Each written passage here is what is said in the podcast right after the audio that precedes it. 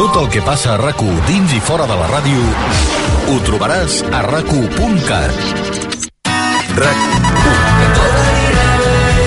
Molt bé, algun comentari a fer, senyor Buigas? Sobre les escoles. No, no, no hem arribat encara. Mm. No, refer... no, no, no hem arribat. Sobre encara la lluna, a- sobre a- el que vulgui, a- vull dir, enca- eh, encara, encara, estem, la vida. en, encara estem a la pandèmia. No, no, perquè Veig jo... que està, eh, ho he fet per si estava atent realment al programa i me n'adono que no. Has d'entendre també que estic aquí al, a l'estudi sol. O necessita algú que l'estigui mirant amb cara de que li queden eh, dues hores de vida Sí. i que li llançarà una ampolla al cap si no està fixat amb el guió. Pues mira. Necessita aquest tipus d'amenaces? Tristament. Tot va bé i tot anirà bé. Versió RAC 1. Cada tarda en directe de 4 a 7 i 24 hores a rac1.cat. RAC 1. Tots som 1. Són les 8 i un minut.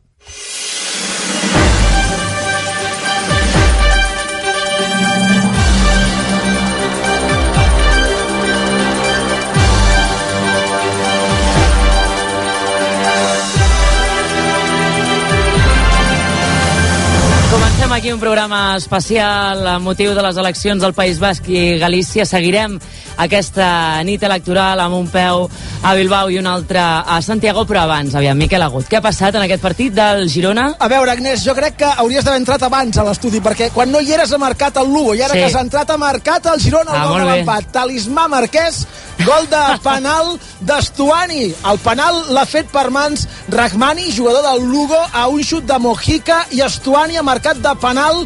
El porter ha encertat la trajectòria, però anava molt fort i col·locat, i ara mateix ha pausa d'hidratació, 1 a 1, 31 minuts i mig de la primera part, el Girona necessita la victòria per afiançar-se a la zona de promoció d'ascens i gairebé tenir alguna possibilitat de somiar amb l'ascens directe a primera divisió. Escolta, a veure si funciona això, aquest talismà. Jo tinc previst quedar-me fins les 11, per tant... No, s'haurà tot- acabat el partit. Tot el que dura el partit, aquí estarem. Divendres contra el Cádiz pots venir, si vols. Ah, també, em, divendres, val, d'acord, ja en parlarem. Molt bé. Que vagi bé, Miquel, ja ens aniràs dient com avança aquest, aquest partit. En tot cas, aquí estarem en directe emetent aquesta nit electoral País Basc i Galícia, unes eleccions estranyíssimes, ajornades des del el mes de març, que se celebren en ple mes de juliol, en plena pandèmia mundial, amb una crisi econòmica que tot just comencem a ensu- a ensumar, amb un moment mm, de, en què el crèdit polític eh, està també molt debilitat, un moment fins i tot podríem arribar a dir angoixant en què s'ha arribat a prohibir en els dos territoris, tant al País Basc com a Galícia, que els malalts de Covid vagin a votar. Veurem com queda això, perquè en cap dels dos casos s'havia fet consulta a un jutge, per tant, no hi ha una resolució judicial que vali aquestes decisions. I en qualsevol cas, eleccions avui al País Basc i Galícia, que són eleccions totes dues de laboratori, de laboratori per a les que puguin venir mentre duri la pandèmia, sense anar més lluny. Possibles eleccions a Catalunya a la propera tardor. Dic això perquè electoralment, en principi, segons les enquestes, i posem-hi la negreta, a la cursiva i el subratllat, segons les enquestes fetes públiques en les últimes setmanes, poques expectatives de canvis. Haurem de veure que això es confirma, eh? Estem parlant de Núñez Feijó i d'Íñigo Urcullo, dos dels presidents autonòmics més sòlids en el poder polític que, segons les enquestes, revalidaran eh, la seva victòria. A Galícia, interessant però veure si Feijó revalida o no si és capaç de revalidar o no la majoria absoluta que, en aquest cas, seria la quarta de Feijó. Per tant, igualaria l'històric president gallec eh, Manuel Fraga Iribarne. Si ho aconsegueix, compta Gènova, perquè s'obrirà el meló del lideratge amb un Feijó molt enfortit i lluny ara mateix de les tesis i de la manera de fer política de Pablo Casado. I compta, perquè si no aconsegueix aquesta majoria, també també compta a veure què és el que passa a Gènova. Sobretot també si a l'altre escenari electoral al País Basc, com sembla, el Partit Popular li va malament després de fer una aposta que ha estat estranya i sobretot una aposta d'altres temps, com posar Carlos Iturgaiz de cap de llista. En aquest cas, a més, també seria un naufragi de l'aposta de, de la candidatura conjunta en, entre Partit Popular i Ciutadans, cosa que vist des de Catalunya, en aquest cas, també torna a ser interessant en clau ja preelectoral. I pel que fa al País Basc, a Íñigo Urcullo, doncs caldrà veure l'amplada de la seva victòria i en quina mesura necessita el Partit Socialista per governar. Una aliança que en els temps que vivim és còmoda per amb dues formacions i més encara per al PSOE de cara a la propera negociació de pressupostos. Veurem com queda. Tot això és el que hem de veure avui, en les pròximes hores. Ho farem aquí en directe a RACUM, aquesta programació especial. Agnès Márquez és de l'estudi i també acompanyada de Marc Martínez Amat, cap política de RACUM. Bona tarda, bon vespre. Hola, bona tarda, Agnès. A Madrid, el delegat de RACUM, Jordi Armenteres. Hola, què tal? Bon vespre. Bon vespre. I els enviats especials a Galícia, Adrià Santasusagna. Hola, bona tarda. I al País Basc, Laia Colomer. Hola, bona tarda. 8 i 6 minuts pràcticament. De fet, a aquesta hora TVG i ETV, les televisions autonòmiques, fan públics la projecció dels resultats en base a les enquestes a peu d'urna. Per tant, comencem amb això.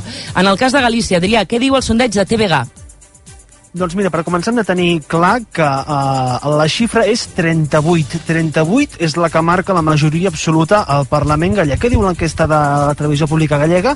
Que el Partit Popular, que ara en té 41, en tindria entre 37 i 40. És a dir, que empitjora els resultats Alberto Núñez Feijó i si es confirmessin uh, les expectatives més baixes, aquests 37 podria perdre la majoria absoluta.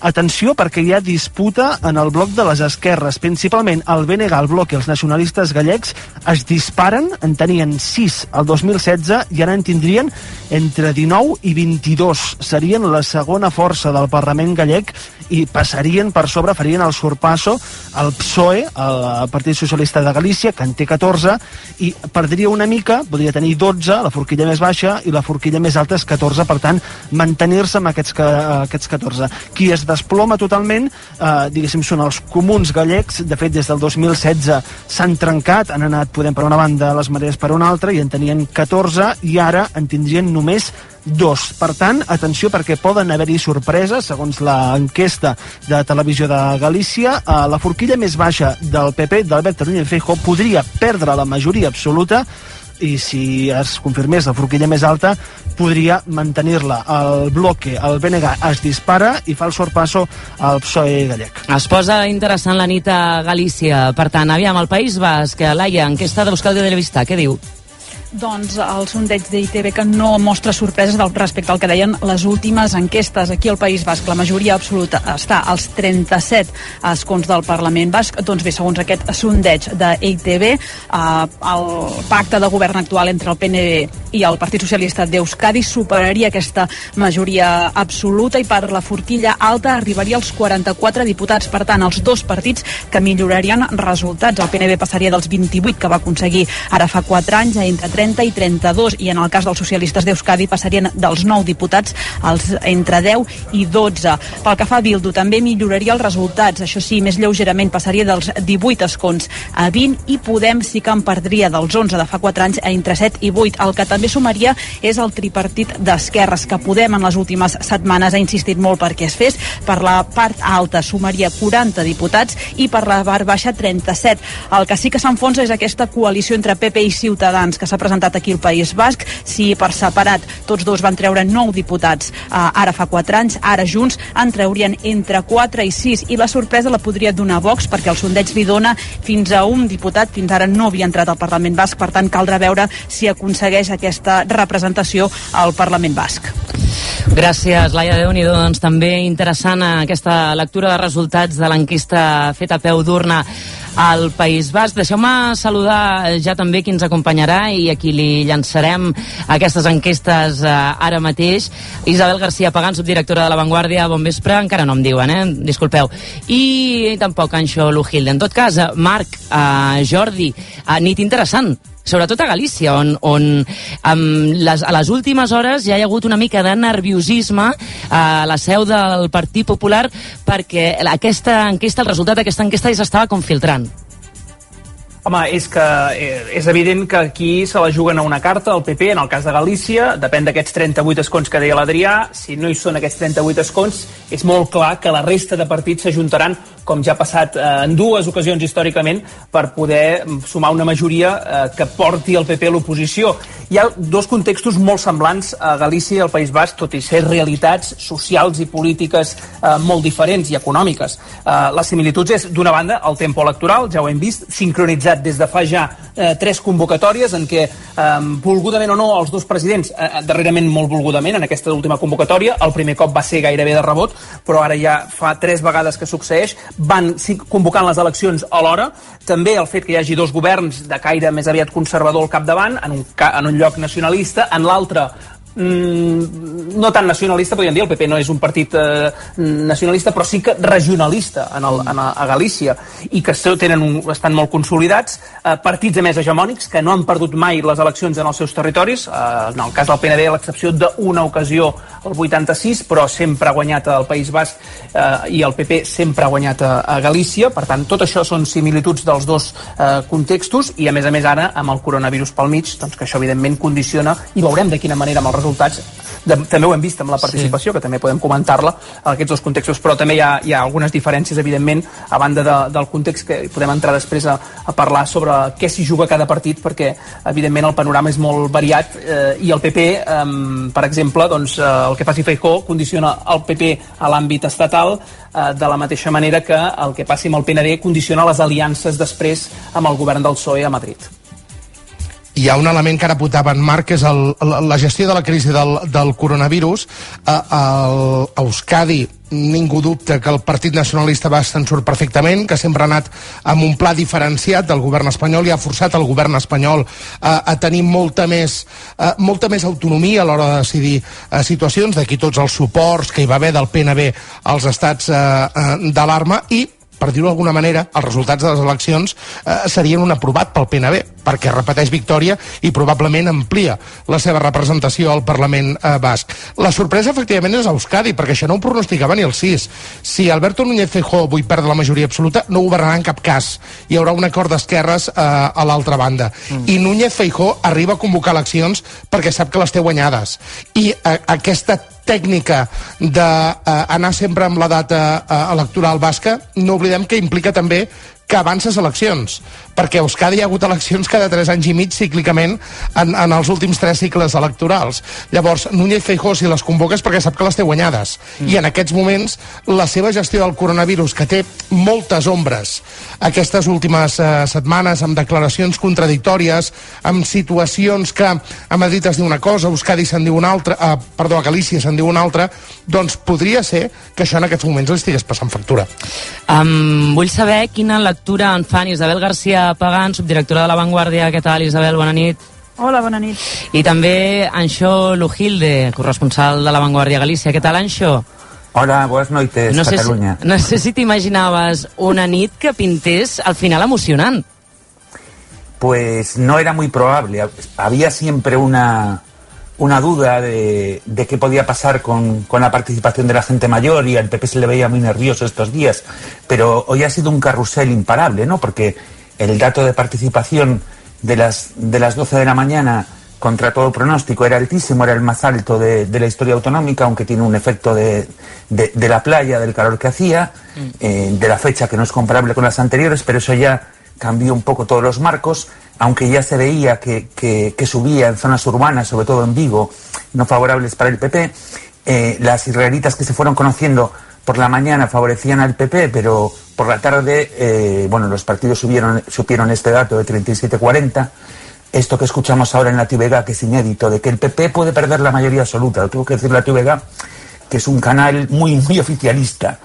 Entonces, eh, pues sí, estamos en un, en un territorio eh, desconocido, hay muchísimos nervios en el PP de Galicia toda la tarde, estuvieron con, intentando movilizar todo lo inmovilizable, ven que, se les mueve el suelo bajo, sus pies y bueno, eh, la clave pues en, principio parece que está en, el brote de Amariña que, que ha roto el, discurso de Feijóo un malestar que había latente. A ver, el, PP en las generales del año pasado perdió en Galicia por primera vez. Lo que pasa que, que eso se fue compensando y parecía que ahora eh, Feijó, eh, como el virus apenas había llegado a Galicia, pues lo iba a capitalizar. Y esto se ha roto a última hora y estamos en un escenario, eh, y acabo, al PP se le está dando un 44% de los votos. Con ese 44 Fraga consiguió su mayoría absoluta en el 89 y en cambio con un 45 en el 2005 la perdió.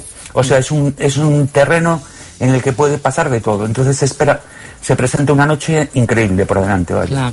A més, eh, compte perquè si al Partit Popular no li surten bé les coses a Galícia i tampoc, com eh, era més previsible, potser per les enquestes, tampoc no li surt bé la jugada a Euskadi, Isabel, compta a Gènova, no? Bueno, l'embolic a Gènova està Isabel, sembla que tenim algun problema amb la connexió. Me olvidé del bloque, Agnès. ¿Eh? Que me olvidé del bloque. Digas, que, que digas es una situación bloque. Sí. insólita. Ah, o sea, caram, i tant. el nacionalismo gallego puede gobernar Galicia por primera vez en su historia. Eh, nunca Sí, había sí. tenido ninguna opción. ¿eh? Esto es que ni, ni Castelao en, en la República. Es, Escolta- al- es algo histórico, vaya. I quina lectura en faries? Bueno, el, el gran liderazgo de Ana Pontón, que además eh, es la, la primera candidata que repite contra Feijó, todos los candidatos de todos los partidos fueron cambiando un montón de veces y, y ella eh, pues ha conseguido consolidar un- un- una imagen muy potente, en gran credibilidad y coherencia y luego eh, pues hay un, un hundimiento de- del espacio de Galicia en común que a su vez eh, las mareas antiguas de Podemos que, que ocupó el espacio del bloque y también hay un desgaste del PSOE. Entonces, ella ha capitalizado en todo el, todo el descontento contra Feijó que se ve que, que, bueno, que en la Galicia Atlántica es potente. Uh, Isabel, em sembla que hem recuperat la connexió. Sí, perdona. Digues, digues. Eh, Hem sentit la paraula embolic. Deia és... Sí, no, no, que l'embolic a Genova estava garantitzat fos, fos quin fos el resultat, no? Perquè si realment eh, Feijó acaba tenint la majoria absoluta, eh, tant si la té com si no la té, eh, el qüestionament de Pablo Casado eh, serà el mateix, perquè són dues, serien dues derrotes, no? No només la del País Basc, que ja és donada per descomptada. Eh, en qualsevol cas, eh, crec que és important, que tal com m'explicava l'Anxo, que ja no és eh, el personalisme de Feijó ja no és suficient per, eh, per aguantar aquesta majoria absoluta davant de eh, un, un sistema, un ecosistema de partits molt més fragmentat i on hi ha candidats i sobretot candidates, com és el cas de la candidata del BNG, que han fet una feina molt ben feta, o sigui que no ve eh, arrossegant cognoms ni arrossegant eh, herències eh, d'altres èpoques. Mm. Jordi. El mejor resultado del BNG fue 18 con Beiras, o sea, Ana Pontón estaría eh, por encima de Beiras. ¿eh? Sí, no, no, això seria històric. És que, esclar, amb les dades del, de, dels sondejos a peu d'urna està passant una cosa, que és que eh, eh, sumaria una aliança de les esquerres a, a Galícia, però també tot i que mm, potser menys probable, a, Euskadi, al País Basc, amb les enquestes de, de, que, han, que han fet públiques ara a les 8. Per tant, interessant veure també les primeres reaccions que tinc entès Adrià i Laia, que es farà ara una primera valoració eh, tant a Galícia com al País Basc d'aquests resultats dels sondejos a peu d'urna i que ja fins al final els partits no tornaran a sortir. Laia. El que comentaven aquí des de la seu del és que sortiran doncs, entre ara un quart de nou, dos quarts de nou, ens han comentat per uh, valorar aquests, uh, les dades de participació i també aquest sondeig telefònic que acaba de publicar EITB i ja tornaran a sortir al final per, per valorar ja els resultats més definitius. I a Galícia el mateix, ha de sortir ara en principi cap a dos quarts de nou el secretari general del PP gallec, el Miguel Tellado, a explicar una mica doncs, a valorar les dades de participació i les enquestes, també tenint en compte com són els uh, líders polítics de valoracions quan els hi van a la contra, el que poden dir és que l'única enquesta és la de les urnes, per tant veurem si entren en, en aquests resultats de, de l'enquesta que ha publicat la televisió de Galícia i després res ja fins al final, fins que estigui tot pràcticament escrutat, que surti Alberto Núñez Feijó a valorar resultats. Mm. Agnès, deixa'm apuntar Digues, que sí, a Madrid veritat. hi ha nit electoral. A Madrid els principals partits, eh, estic parlant de Partit Popular, de PSOE i de Vox, eh, fan nit electoral com a tal, obren la seu al, als periodistes, nosaltres estem a l'estudi mm, per un tema de gestionar totes les senyals que ens aniran arribant, el Partit Popular sí que tenen clar que hi haurà valoració, Mm, no, mm, el, el PP ja valoren d'entrada sempre eh, la participació i el tancament de, de col·legis. Aquest cop de moment no ho faran, o ens diuen que de moment mm, no està previst, i hi haurà una declaració al final de tot, quan hagin escoltat els líders del País Basc i de, de Galícia, però no ens diuen qui. Clar, si hi hagués eh, una majoria absoluta folgada del Partit Popular i els resultats d'Euskadi s'aguantessin, òbviament sortiria Casado. Mm -hmm. Això el Partit Popular sempre ha estat així. Mm -hmm. Avui es descarta totalment que pugui sortir uh, Pablo Casado. El PSOE fan una nit electoral de dir ja veurem, ja veurem qui surt, ja veurem si hi ha explicacions per part d'algú, és veritat que la seu està oberta, però han passat moltes nits electorals uh, d'autonòmiques que ningú ha dit ni piu, i a més el, el, el PSOE no hi té res a guanyar en aquests moments mm, a, Euska, a Euskadi sobretot perquè es confirma que queden com a tercera força i, i aquell fantasma que hi, havia hagut d'un possible eh, pacte estrany amb Bildu o intentar fer una mica la guitza al PNB es descarta totalment amb, amb el resultat d'aquesta enquesta, el que diu aquest sondeig d'ITB, i en el cas de Galícia sí que és veritat que entre setmana des de Ferraz s'apuntava que hi havia l'esperança de quedar per sobre del, del BNG. Eh, l'enquesta dona un resultat molt, molt ajustat, ja ho veurem, per tant. Ahí Eh, Diga, Sánchez. Sí, anava a afegir Sí, que hay una cosa muy curiosa que es lo de la avería del avión de Pedro Sánchez el viernes Sí. al Armenteras. El que- pinchazo. Sí, sí, pero eh, casualmente, Ernest, una hora antes, eh, los partidos en Galicia recibieron. en- hay un tracking diario que publica La Voz de Galicia, que en Galicia tiene mucho peso, que durante la campaña, durante estos últimos días es secreto. Y en ese tracking, en esa encuesta diaria, salía por primera vez el bloque por delante del PSOE en, en votos y en escaños, cosa que no había pasado en los dos factores, ¿no? Y una hora después se dice que Sánchez tiene un pinchazo en el avión, creo que hay varios aviones, no entra por medios telemáticos, que oye, ahora el Consejo Europeo se hace por, por videoconferencia. A mí lo que me sorprendió, vi un pantallón inmenso en Vigo, que estaba nuestro compañero Adrián allí en, en el Parque de Casprelos, pudo haber entrado. Eh, dio la impresión como que se quería borrar, lo cual me parece además un grave error porque le va a alcanzar igual el impacto si esto es así, ¿no? Si, si el PSOE queda detrás del bloque, ¿no? És que no s'entén de cap manera el tema de l'avió, efectivament tenen uns quants avions. Uh, fins on jo sé, com mínim n'hi ha quatre. Hi ha dos Falcons, que són iguals, i hi ha dos uh, Airbus A310, que són una mica més grossos, però que també el podria agafar sense cap problema, i moltes vegades ha fet viatges per l'Estat amb aquests avions que són una mica més grossos. El, hi ha un altre element, Anxo, que és que quan demanem, quan fem preguntes, i aquestes preguntes no responen, o triguen molt a respondre's, és que passa alguna cosa estranya. I això és el que va passar amb el tancament de campanya de, de Sánchez, que no va arribar, que no va arribar a Galícia directament. De totes maneres, companys, perdoneu, però la nit electoral existeix això de la dolça derrota que en el cas de Galícia pels socialistes seria això, no? O sigui, veure superats pel BNG, però la possibilitat de fer fora Feijó no, és un, no seria, diguéssim, un mal escenari, perquè que no els hi anirien bé aquestes eleccions era més que probable. Sí, sí, está, Home, i está tampoc, claro. No sé si seria gaire amarg anava a dir, no sé si seria gaire amarg també Isabel, eh, que el Feijó mm, guanyés a Galícia per als socialistes mentre que eh, s'espinyés a Euskadi tenint en compte que en un cas eh, és l'aliança del PP amb, amb Ciutadans promoguda per Casado i en l'altre cas és eh, l'antítesi a, a, la- a la posició de Casado dins del, del PP, no? també podria ser llegit així.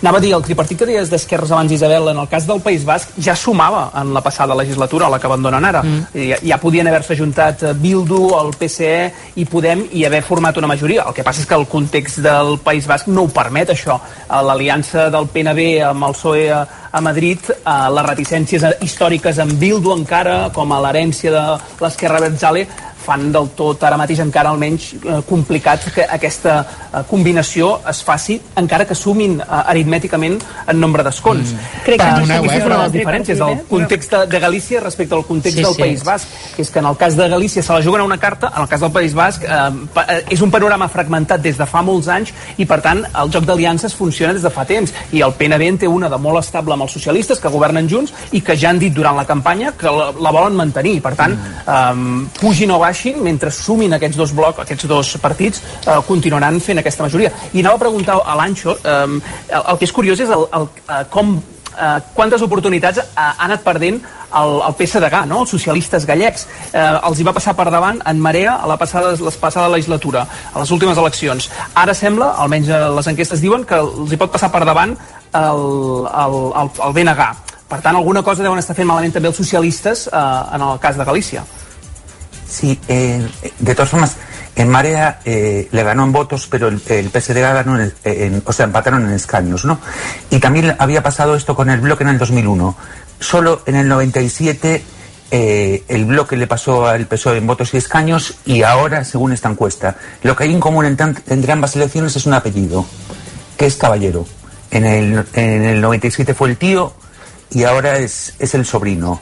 Eh, no, no, yo no creo que sea tanto el, el efecto del tío, el sobrino. El PSOE siempre ha tenido muy malos candidatos en Galicia. Yo creo que hay en, eh, en- a esto, si pasa, habrá contribuido un cálculo que se hizo en la Moncloa, yo creo que, que desde el punto de vista del PSOE muy desacertado, que era que, eh, lo publicó Merino en La Vanguardia, en Juan Carlos Merino hace como tres semanas, que era que daban por perdido a Galicia, eh, pero no veían la segunda plaza en peligro, y entonces decían, ah, bueno, pues en Galicia vamos a decir que, que gana Feijó y que pierde Casado. Y le empezaron a dar a, a Feijó todo lo que pedía, la salida del estado de alarma, poder convocar las elecciones, en- que es lo mismo que hacía Felipe con Fraga, lo de en, utilizar a Fraga contra Aznar. Y eso en Galicia, en el campo progresista, sentó fatal. Y yo creo que eso arrastró en voto hacia el bloque. O sea, hubo, un- hubo una actitud con, del gobierno central con, con Feijó eh, poco combativa. Y, y esto eh, para los, lo- ha dejado a, a mucho electorado eh, progresista gallego huérfano. Aviam, Isabel. No, no, que estàvem parlant de, estàveu parlant d'això del, de, de les herències, diguéssim, del, Mm. del, dels cognoms, no? I del tema del Caballero, efectivament, sempre han sigut molt dolents els candidats socialistes a, a, a Galícia i van arribar a governar amb un candidat pèssim. Ah, el senyor Turiño eh, només era equiparable amb, amb José Montilla a Catalunya, per entendre'ns. O sigui, Un mal els- candidato y un buen presidente, decían en la Eh, els- els- así que els imagínate. perfils, eren, els perfils no eren els, els que tu t'esperes, diguéssim, que això pugui, pugui reeixir. De manera que um, al final ens hem acostumat una mica a les sorpreses no? en aquestes campanyes. Jo, de totes maneres, el que volia fer referència abans, que deia el Marc, el tema de, del País Basc, és que eh, qualsevol majoria d'esquerres eh, que, hi hagi, que hi hagi al País Basc eh, té, un, té un veto del PNB, o sigui, de seguida que va sortir Pablo Iglesias amb un míting eh, abans de que comencés la campanya, si no vaig errada, eh, amb un acte al País Basc parlant d'una majoria d'esquerres, d'una alternativa d'esquerres, els senyors del PNB van trucar a la Moncloa i aquella broma es va acabar. Fins que ha arribat la campanya i que llavors en campanya un ja entén que aquest discurs es pot fer, diguéssim, no? Però vull dir que el PNB té una carta sempre que és el seu veto, que és el ser la, la, la ròtula de, de, de tot, de qualsevol pacte que passa pel Congrés. Muy buenas tardes a todos, muchísimas gracias. Aquí estem sentint, a veure, um, algú em pot ajudar? Uh, Adrià? Adrià? No, no. Sí, doncs està parlant uh, Miguel Tellado, que és el secretari general del PP gallec. Las primeras palabras de esta intervención so pueden ser de agradecimiento. Agradecimiento a Galicia porque entre todos conseguimos que en esta situación anormal se pudieran celebrar unhas elecciones autonómicas completamente normais. Dende a constitución das mesas, o desenvolvemento das votacións, a participación finalmente realizada. E por iso hai que darlle as gracias a todos aqueles que formaron parte das mesas electorais, a todos os coordinadores de seguridade que participaron nesta xornada e en xeral a Administración Electoral que co seu traballo conseguiu ter as eleccións máis seguras da historia de Galicia, garantindo que todos os galegos e todas as galegas votasen en liberdade e votasen con total seguridade. Evidentemente, como secretario xeral do Partido Popular de Galicia, teño que agradecer de forma moi especial a toda a estructura do Partido Popular de Galicia o traballo que ven desenvolvendo Haurem de parlar també d'aquesta falca, que és les eleccions més segures, perquè, òbviament, això ve per la situació de pandèmia i per la prohibició inèdita de prohibir votar aquelles persones que en el cas de Galícia han donat positiu per Covid i en el cas del País Basc no només les que han donat positiu per Covid en les últimes hores, sinó els que estan pendents d'una PCR, bàsicament pel risc assumit, eh, perquè que siguin les eleccions més segures, en fi, eh, que són segures o que s'intenta que siguin el màxim segures possible, doncs endavant, però aquest lema que han fet servir en els últims dies els de Feijó, els de Núñez Feijó, és eh, clarament eh, una qüestió de, de, de risc, d'altíssim risc, de fet, no? Bé, Pero yo creo que. Pero yo, yo, yo no sé si, si la prohibición esa era real, ¿eh? No, no supe de nadie que quisiera ir a votar.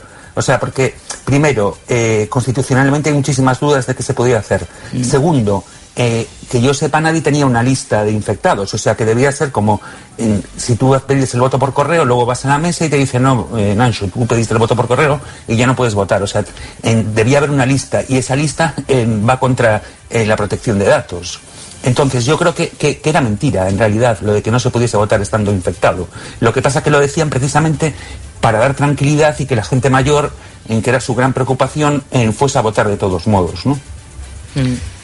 Perdoneu, però al final eh, tot plegat està ple d'irregularitats perquè la mateixa suspensió de les eleccions per quan estaven convocades inicialment ja és il·legal de per si. Si no hi ha un precepte que, que et permeti... pero, pero nadie la eh, recurrió, Armenteras. com? Que nadie la recurrió.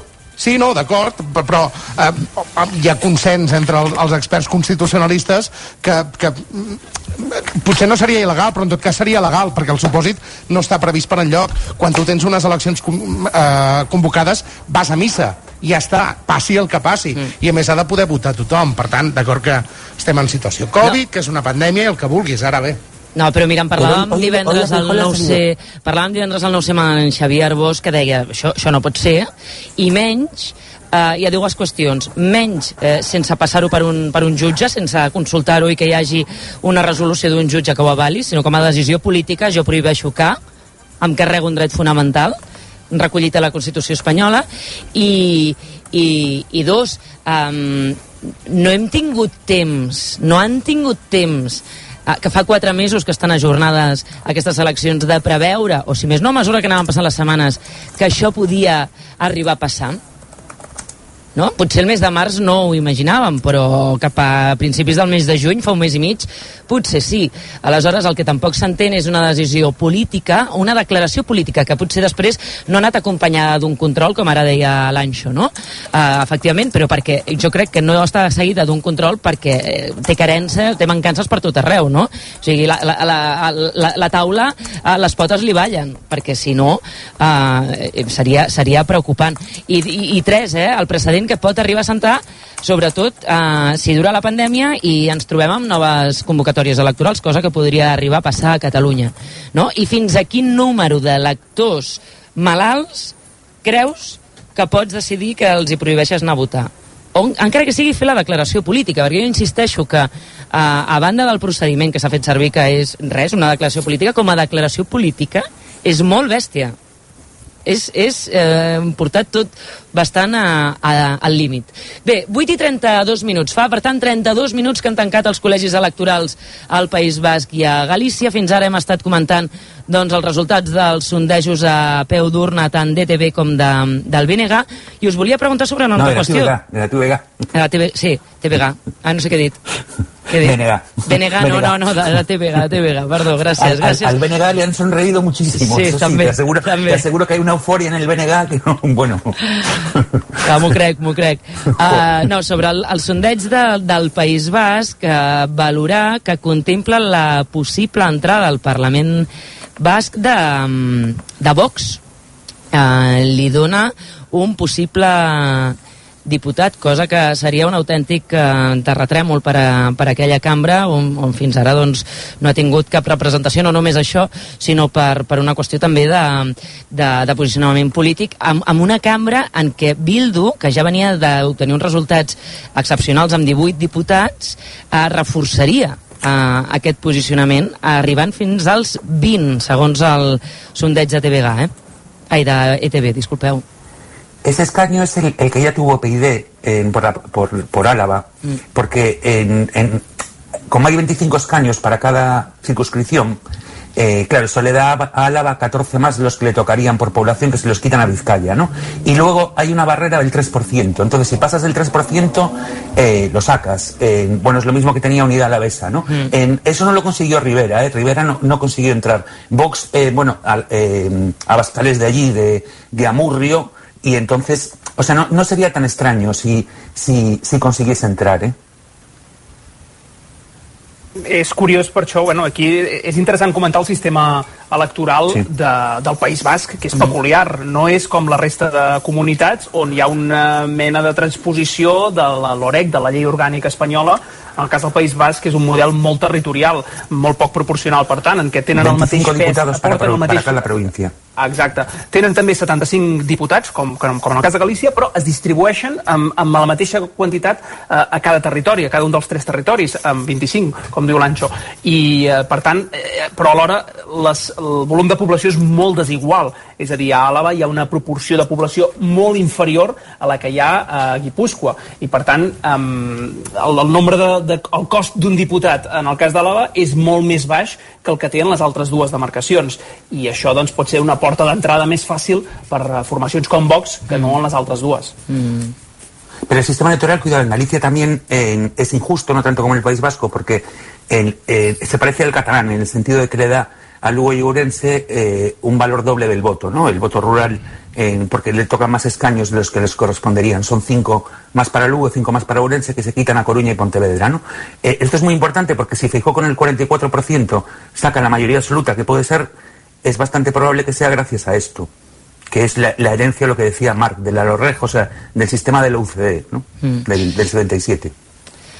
Eh, No sé si que comencen a entrar a resultats a les pàgines de recompte de vots, eh, tant gallega com la d'Euskadi. Adrià, en en el cas de Galícia sí, oi? Sí, en el cas de Galícia hi ha un 1,05% escrutat. Ara mateix, amb aquest 1,05, el PP tindria 50 escons, el BNG 14, el PSOE gallec 11 i ja està, no entraria ni Podem ni la resta, per tant, però clar, estem en un 1% escrutat Mhm. I, i, res, irrisori i també doncs, explicar que s'ha acabat ja la compareixença del secretari general de, del PP gallec, de Miguel Tellado sobre les enquestes que era el que tots esperàvem que valorés aquesta primera possibilitat que podria haver-hi de Feijó que perdés la majoria absoluta doncs ha tirat de manual eh, típic de- d'enquestes de, de dir que l'enquesta final doncs, és eh, la de l'escrutini que per tant ara no faria cap valoració sobre aquestes enquestes D'acord. A Euskadi, Laia, com va? Doncs mira, ens acaben de comentar que en uns 5 minuts surt Itxaso Atutxa, eh, la presidenta del partit aquí a Vizcaya, per valorar doncs, tant eh, aquest primer sondeig com a la participació a les eleccions, que recordem és de moment força més baixa que, que fa 4 anys. A les 5 de la tarda era 8 punts inferior a fa 4 anys i, i ja apuntaven que podrien ser els pitjors resultats pel que fa a participació des del 1994 aquí al País Basc. Mm, Isabel, alguna lectura d'això de la participació? Al País Basc. No, no, em sembla que no tenim la, la, la Isabel, companys. Uh, Marc, Jordi, no, Anxo... Sí, sí digues. Jo, no, jo el que anava a afegir, el coronavirus ha estat sens dubte, el, o sigui, ha entrat en aquestes eleccions en tot el procés electoral de ple i això eh, ha marcat el tem, els temes de la campanya, que ha estat bàsicament aquest el macrotema de la campanya electoral. Això pot tenir algun efecte en els resultats Um, bueno, en, en, en comunicació política hi ha un fenomen que diu que la gent tendeix a votar en funció de quin és el tema eh, central en el debat polític més recent. No en el que va passar fa un any, en fa dos o en fa tres, sinó en el més recent. Per tant, seguint aquesta teoria, el priming, doncs, eh, portaria a pensar que, que això marcarà també el resultat. I sobre la participació concretament, és, es fa molt difícil especular, mm, perquè la pregunta és qui és qui no participa a causa del coronavirus. És la gent gran perquè té més por? Aquesta podria ser una hipòtesi. N'hi podria haver una altra, que és la gent més informada, perquè és la que està més en contacte amb la informació i pot tenir més por. Aquesta seria una hipòtesi diferent que afectaria un sector de població diferent també. Per tant, jo crec que es fa difícil aventurar eh, quin és l'efecte real d'aquesta baixada de la participació. Mm. 8 i 38 eh, minuts. Deixeu-me saludar a Astrid Barrio, que ens acompanyarà també al llarg del programa especial d'eleccions País Basc i Galícia, politòloga, professora de Ciència Política de la Universitat de València. Com vas, Astrid? Bon vespre. Hola, molt bona nit, Agnès, què tal? Bé, doncs mira, aquí comentant d'entrada els eh, resultats dels sondejos a peu d'urna que han donat ETV i TVG eh, i que fan que es presenti una nit, especialment a Galícia, que pot ser interessant perquè el Partit Popular eh, no té garantida, segons el sondeig, eh, aquesta majoria absoluta, cosa que, òbviament, eh, doncs donaria per veure què és el que passa electoralment a, a, a Galícia, però també veure què és el que acaba passant a Gènova, no? També. Sí, jo crec que, la, que una de les mm, particularitats d'aquesta nit, jo almenys fins ara el que esperava és que això només tingués eh, incidència, sigui que l'interès d'aquestes eleccions sobretot era veure quin, quina implicació podien tenir en les estratègies del conjunt de partits a nivell estatal. I en canvi sembla que poden plantejar no, que almenys hi ha una hipòtesi que no hi havia durant tota la campanya que és que pugui haver-hi un, un canvi de govern. I que aquest canvi de govern doncs, incideixi en, també en, en quines puguin ser aquestes estratègies. Jo aquí veig un, un dilema fonamental, no? si això s'arriba a confirmar, que sempre hem de tenir en compte que les, que les israelites doncs, doncs poden, mm. Acostumen a, a, portar enganys, vull dir, no, no, no, sempre, no sempre encerten i no, i no es corresponen amb els, amb els trackings que hi ha hagut eh, que hi ha hagut en els últims dies, eh, que sobretot pel Partit Popular es presenta un, un dilema molt important, no? perquè cap de les seves eh, dues possibles vies doncs, sembla tenir èxit, no? i això doncs, augura una situació eh, interna, si s'arribés a confirmar aquesta hipòtesi, una situació interna bastant conflictiva, perquè, és clar ni la via més dura eh, o la via d'una aliança de dretes, ni la via més tova eh, que podia representar Feijó tenen èxit, deixa eh, amb, amb un dilema perquè cap de les dues possibilitats que hi han plantejades o que, o que es poden ser eh, viables en el cas del Partit Popular doncs, doncs en aquest tipus d'eleccions doncs, sembla que, que donen bons resultats però insisteixo, crec que s'ha de ser molt, molt, molt prudent i, i jo m'ho miro amb, amb, molta, amb molta cura perquè crec que la nit eh, pot segurament confirmar els resultats d'allò que s'ha vist eh, al llarg d'aquests dies mm. i que fins si ara fóssim... era el que es preveia. Jordi. Si fóssim maquiavèlics, abans la Isabel García Pagant parlava de dolça derrota pel PSOE a Galícia i sobretot per Pedro Sánchez si fa fora de la Junta de Galícia Alberto Núñez Feijó.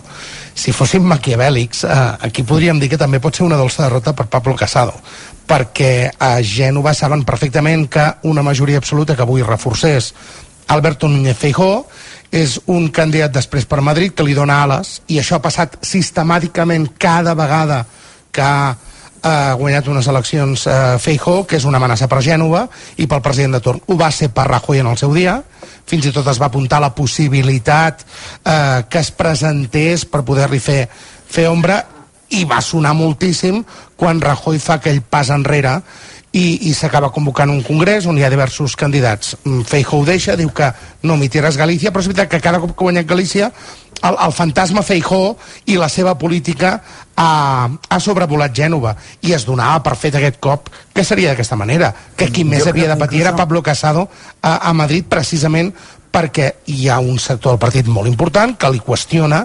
l'estratègia de vincular-se cada cop més a l'extrema dreta mm. i a l'altre pols oposat ha Alberto Núñez Feijó que precisament és el qui presumeix de eh, ciutadans desactivats totalment eh, a Galícia i Vox eh, ridículs i risoris mm, des de la partit que avui no entraran mm. al, al Parlament gallec en la, en la línia del que deies, Jordi, també, amb, clar, si avui Alberto Núñez Feijó aconsegueix la quarta majoria absoluta estaria igualant les quatre majories absolutes de Manuel Fraga, que va ser el fundador del mm. Partit Popular. És a dir, aquí Fraga, Galícia, és com el president, com Jordi Pujol va ser Catalunya, no? És a dir, si algú pensa en un president, és Fraga aquí a Galícia. El fundador. I ara mateix... Sí, clar Ah, clar, és el fundador de, de, de, del partit. Si Feijó I, i la Galícia, una majoria absoluta, igualaria les quatre majories. Clar, ara estava recordant eh, aquell discurs que va fer quan, quan s'havia de fer el relleu a Mariano Rajoy, que eh, Núñez Feijó va sortir i es va emocionar molt amb aquell discurs eh, anunciant la seva retirada, no? Que, que, que no seria un candidat a presidir el, el Partit Popular, que el seu compromís era amb Galícia. Bé, um, no sé si això pot continuar sent així en funció dels resultats que, que obtingui avui a Galícia, però recordo aquell discurs emocionat, clarament emocionat. Això l'Àngelo Gilde t'ho pot contestar seguríssim. Però no, a més, és, està... Núñez Feijó tota la vida ha amagat amb, amb voler baixar a Madrid. És dels que li agrada penjar-se la medalla eh, de, de, de ser un dels barons que més poden influir i és dels que ell mateix ha jugat especulant amb la possibilitat de baixar a Madrid o no fer-ho. Eh, eh, realmente eh, en aquel día yo estaba y Agnés en- es de los días que inolvidables. eh, en- estaba convocado como una boda y acabó en un funeral con, con gente llorando allí en el, en el jardín del hotel, en un sitio de bodas.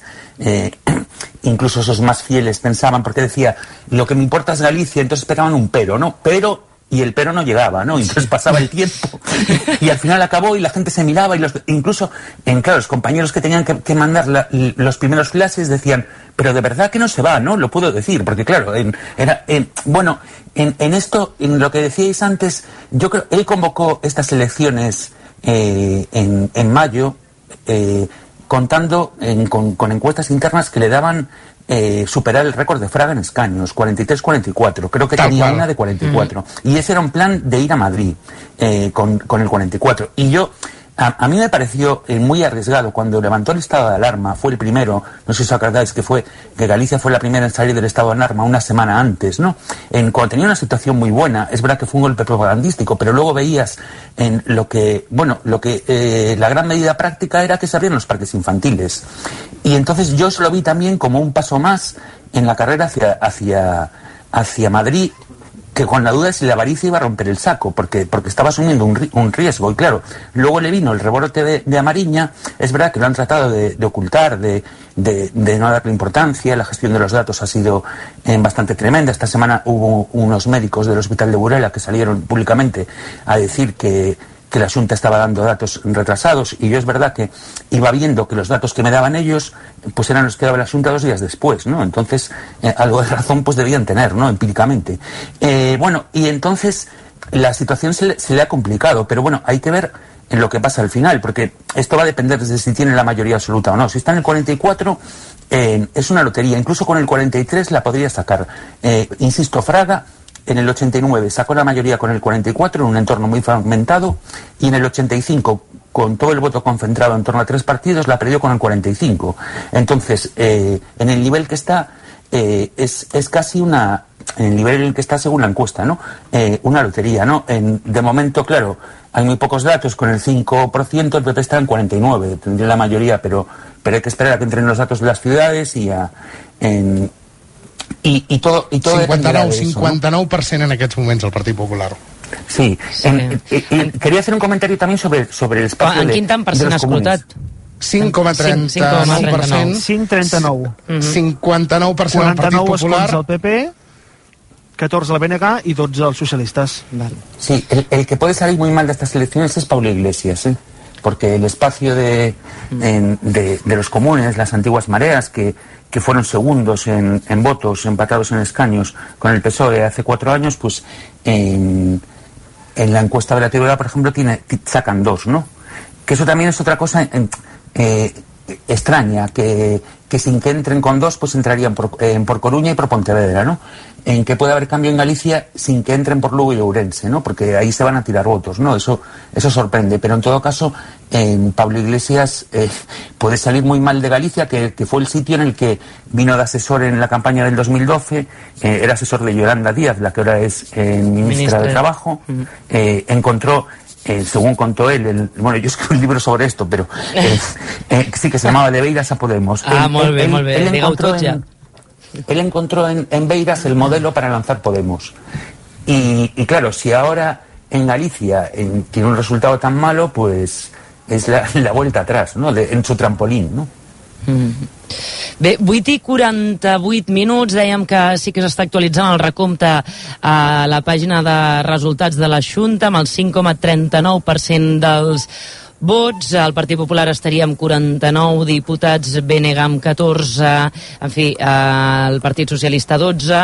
Eh, sí que no hi ha actualització, Laia, al recompte de, de vots a, a Euskadi. Encara estan en el 0%, no s'han no volcat cap. Exacte, sí, ja van avisar que es començarien a volcar a partir de les 9 del vespre. Per tant, falten aquests 10 minutets perquè comencem a, conèixer aquests eh, primers resultats. Per tant, eh, com que ja ha passat una hora d'escrutini, suposo que el percentatge amb què començarà a partir de les 9 doncs, ja serà un pèl eh, més elevat. Ja van avisar que seria a partir de les eh, 9 del vespre i sí que fa 5 minuts ha sortit la portaveu del PNB, Iratxe Atutxa, que, ha comen, eh, sí, que ha comentat, doncs, ha agraït a la gent la generositat normalitat a la jornada, que s'han guardat totes les mesures sanitàries establertes i ha dit que sigui quin sigui el resultat, demà comença la veritable reconstrucció del País Basc. Un parell de coses. Digues. la primera és incomprensible. Digues, digues, digues. digues Adrià. que a Galícia han actualitzat el recompte, l'escrutini, 7,43% eh, escrutat, el PP que va perdent escons, ara en té 48, el BNG 14 i els socialistes gallecs 13, repetim, amb el 7,43% escrutat. Un parell de coses. La primera, que a Euskadi eh, el tema de no buscar resultats fins a les 9 de la nit no té cap mena de sentit. O sigui, estem acostumats a veure eleccions que no s'aboquen resultats fins a les 9 del vespre, perquè hi ha el factor de Canàries en eleccions Mm, clar. locals, en eleccions espanyoles i europees, perquè allà tenen els col·legis electorals una hora més tard i per no eh, intentar condicionar els vots de l'última hora de Canàries, l'aixeta de resultats no l'obren fins a les 9, d'acord? Però en el cas d'Euskadi que no té sentit, no té cap mena de sentit.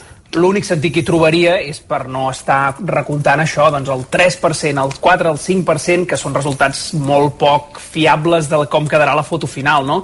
Per això deuen obrir l'aixeta a partir de les 9, en què hi hagi un pòsit mínim de recompte que permeti començar a veure ben bé com acabarà la nit. Sí, però això tampoc, que... també on et porta això, no, Marc? Vull dir... Sí, sí, sí, és un, és A la un transparència. cert paternalisme, clar, eh, de dir... clar, clar, exacte. Eh, eh, No, et porta a ser poc transparent. Vull dir que encara que Sí. vulguis dir, no, doncs sortim ja amb un recompte elevat, bé, mm, escolta, eh, si tu tens aquests resultats, eh, no? El que és normal és anar-los abocant. Bueno, aquí recordem, si fem una mica de, de història dels, de les nits electorals, recomptes que hi ha hagut eh, en què hi ha hagut governs en què han jugat amb el recompte clarament. Totalment. Um, el més clar de tot, un, una, les, la repetició, si no recordo, de les eleccions a la Comunitat de Madrid, quan hi va haver el Tamayazo, que es va fer la repetició després i va guanyar Esperanza Aguirre, aquella nit en un primer moment estava guanyant el PSOE i de cop eh, es va abocar les, un conjunt de dades que van girar la truita i, i va acabar guanyant el PP clarament, no? Vull dir que aquí hi ha qui les dades les ha fet anar a vegades eh, com, com li ha vingut eh, millor. Un segon element que volia comentar, el que apuntava Anxolo Gildes sobre Podem, Marees, els invents de Pablo Iglesias a, a Galícia, uh, si, i, i torno a, a la dolça derrota pel PSOE i per Pedro Sánchez uh, amb els resultats amb el que s'apunta que passarà amb el PSDG a, a, a Galícia. Uh, és doble carambola per Pedro Sánchez, perquè desactiva totalment les marees.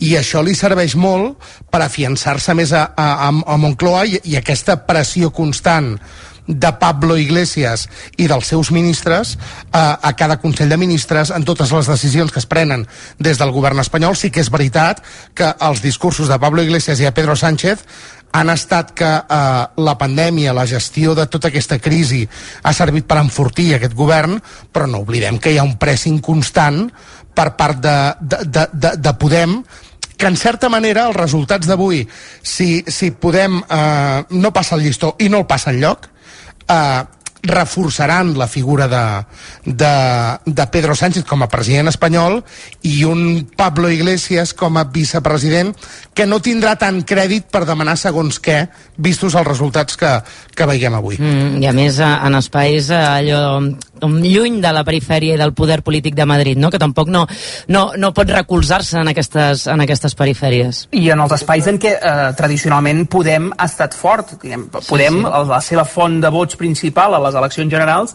sempre han estat doncs, eh, Catalunya, eh, el País Valencià, eh, sí, sí. Galícia, el País Basc. Precisament en aquestes dues comunitats en què avui hi ha convocatòria electoral és també eh, l'efervescència, com deia el Jordi, de- d'aquest partit eh, eh, en què eh, està descomposat a Galícia i en el cas del País Basc va a la baixa clarament, doncs també és una d'aquelles coses per fer-se-les mirar. Sí, bueno, clar, a Galícia el que ha passat és que Adrià. les esquerres s'han sí que les esquerres a Galícia s'han totalment descomposat, això fa que si no van juntes, evidentment costi molt més arribar al llindar per tenir representació i és el que està passant ara amb aquesta enquesta que dona dos eh, Podem però deixa en Marea fora que en tenia 14. Per cert, estem ja al 9,26% escrutat, perd un escó al PP que el guanya el BNG. El PP ara mateix 47, el BNG 15 i els socialistes gallecs 13. Quedarien fora Podem i evidentment també ja no tenien representació ni Vox ni Ciutadans. Mm, 7, 8 minuts i seran les 9 en punt de la nit. Companys, fem una pausa per la publicitat i així tornarem a pocs minuts abans de les 9, quan ja començaran a volcar-se també els primers tants percents d'escrutini dels resultats a Euskadi. Especial informatiu amb Agnès Marquès. Si vols comprar-te un cotxe abans, vine a Autovivo Sant Boi. Tenim totes les marques. Som l'oulet de l'automòbil. Et donem les ajudes del Pla Renove del govern sense condicions, ni obligacions ni esperes. Del 15 al 25 de juliol, l'oulet de l'automòbil a Autovivo Sant Boi. Tenim xollos. Entra a autochollo.es. Tenim el Nissan Qashqai. Me'l quedo. I l'X-Trail. Me'l quedo. I el Micra, el Leaf, el nou Juke. Me'ls quedo, me'ls quedo, me'ls quedo. Arriben els 3 dies Nissan i no sabràs quin triar. El 16, 17 i 18 de juliol visita el teu concessionari Nissan més proper. Emporta't qualsevol model amb fins a 7.500 euros de descompte finançant-lo amb RCI Bank i no el paguis fins al 2021. Nissan Innovation that excites. Xarxa de concessionaris Nissan de Catalunya. Ja és aquí la tercera edició del campus de futbol Mundo Deportivo, amb la coordinació de MIC Sports, organitzadors del MIC Futbol, del 27 al 31 de juliol a Barcelona per jugadors i jugadores de 6 a 16 anys i amb totes les mesures de protecció contra la Covid-19. Apunta't ja al web mundodeportivofootcamp.com amb el patrocini d'Agbar i la col·laboració de Danone i la Federació Catalana de Futbol. Campus Mundo Deportivo. Passió pel futbol. Pot ser més eco, més tecnològic o fins i tot més atrevit. És que ser híbrid mai ha estat tan fàcil. Gaudeix de la gamma híbrida Suzuki i comença a pagar el 2021. Pensa híbrid. Condueix Suzuki. Finançament subjecte a estudi i ofert per Santander Consumer EFCSA. Oferta vàlida fins al 31 de desembre de 2020. Finança ara i comença a pagar quotes al 2021. Els interessos s'acumularan al capital viu. Xarxa de concessionaris Suzuki de Catalunya. RAC1 i l'Ajuntament de Castell d'Aro, Platja d'Aro i Segaró presenten Diumenge 19, final de temporada del Via Lliure a la platja. Celebrarem l'arribada de les vacances amb la gent de la Costa Brava. Xavi Bundó en directe des del passeig marítim de Platja d'Aro per acomiadar temporada amb vosaltres, a la vora del mar.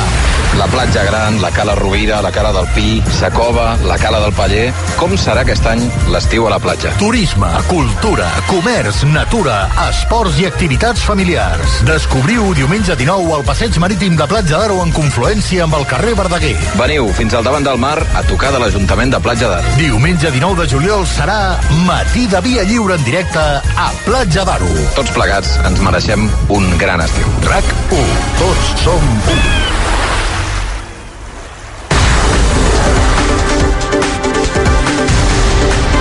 Especial informatiu amb Agnès Marquès. 3 minuts i mig i seran les 9 en punt del vespre des de les 8 que han tancat els col·legis electorals a Euskadi i també a Galícia. Seguim eh, queden així aquestes jornades electorals tan estranyes en ple mes de juliol, eleccions eh, ajornades per una pandèmia mundial, com una crisi econòmica que és incipient, que la comencem a ensumar, pot eh, condicionar els resultats d'aquestes eleccions. Ara de seguida mirarem quin és el tant per cent escrutat ja tant al País Basc com a, a Galícia, però abans eh, traurem el cap a Lleida, perquè Lleida, de fet, és eh, protagonista, sens dubte, del dia, informativament parlant, a les 5 de la tarda, també en directe aquí a rac Hem donat eh, la roda de premsa que han ofert la Conselleria de Salut i d'Interior des de Lleida per explicar l'enduriment del confinament a Lleida ciutat i altres set eh, municipis a causa de l'evolució del coronavirus. Ho hem estat explicant amb una roda de premsa que ha durat dues hores. Doncs bé, dues hores després d'haver-se acabat aquesta roda de premsa, convocatòria de manifestació a la plaça Ricard Vinyes de Lleida i tenim l'Oriol Jové. Oriol, bona tarda de nou. Hola, bona tarda. Um, hi ha gent en aquesta convocatòria com a protesta a l'enduriment del confinament a Lleida? Doncs ara mateix eh, hi ha unes eh, 150 persones aquí concentrades a la plaça Ricard Vinyes, un dels eixos eh, principals del centre de la ciutat, amb alguna eh, pancarta, amb el rètol Doneu la cara, eh, bastant descontentament entre la població per aquesta mesura del govern que se suma una mica a la que ja hi havia de la setmana passada amb el confinament perimetral de la comarca. Mm.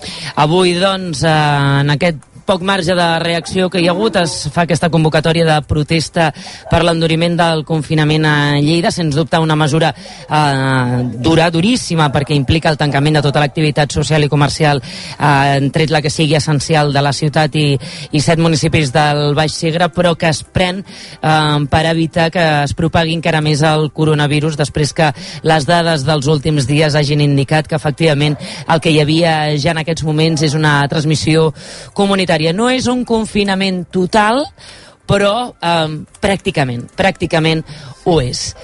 Gràcies, Oriol. Qualsevol cosa ens avises. Aquí estarem. Perfecte. Ah, Déu-n'hi-do, Marc, Jordi, Astrid, en fi, eh, tot això, això, això avui estem en programa electoral, eh, però, però Déu-n'hi-do el, que, el que està passant i quin avís per a navegants per la resta del país és també la situació que s'està vivint, a, que s'està vivint a Lleida. De fet, l'expansió del coronavirus, el contagi, marca també, ha marcat també la, la jornada electoral a, a Galícia i al País Basc, amb unes mesures, Laia i Adrià, eh, del tot excepcionals, eh? Uh, sí, exacte. De fet, aquest Sí, matí sí. el que veiem als col·legis uh, electorals eren doncs, uh, senyals al terra per on havia de passar la gent, que es mantinguessin les distàncies de seguretat mentre feien fila per accedir als col·legis, a la porta, cartells de que era obligatori portar la mascareta posada, també de po- posar-se gel a les mans per desinfectar-les abans d'accedir on hi havia les meses i també molta separació entre mesa i mesa i entre els integrants de la mateixa mesa. Doncs, per tant, la gent avui quan anava a votar als col·legis electorals sí que realment uh, tot el tema del coronavirus, la pandèmia estava molt present perquè aixecaves el cap i qualsevol cosa que veies era alguna senyal, uh, alguna indicació que et recordava totes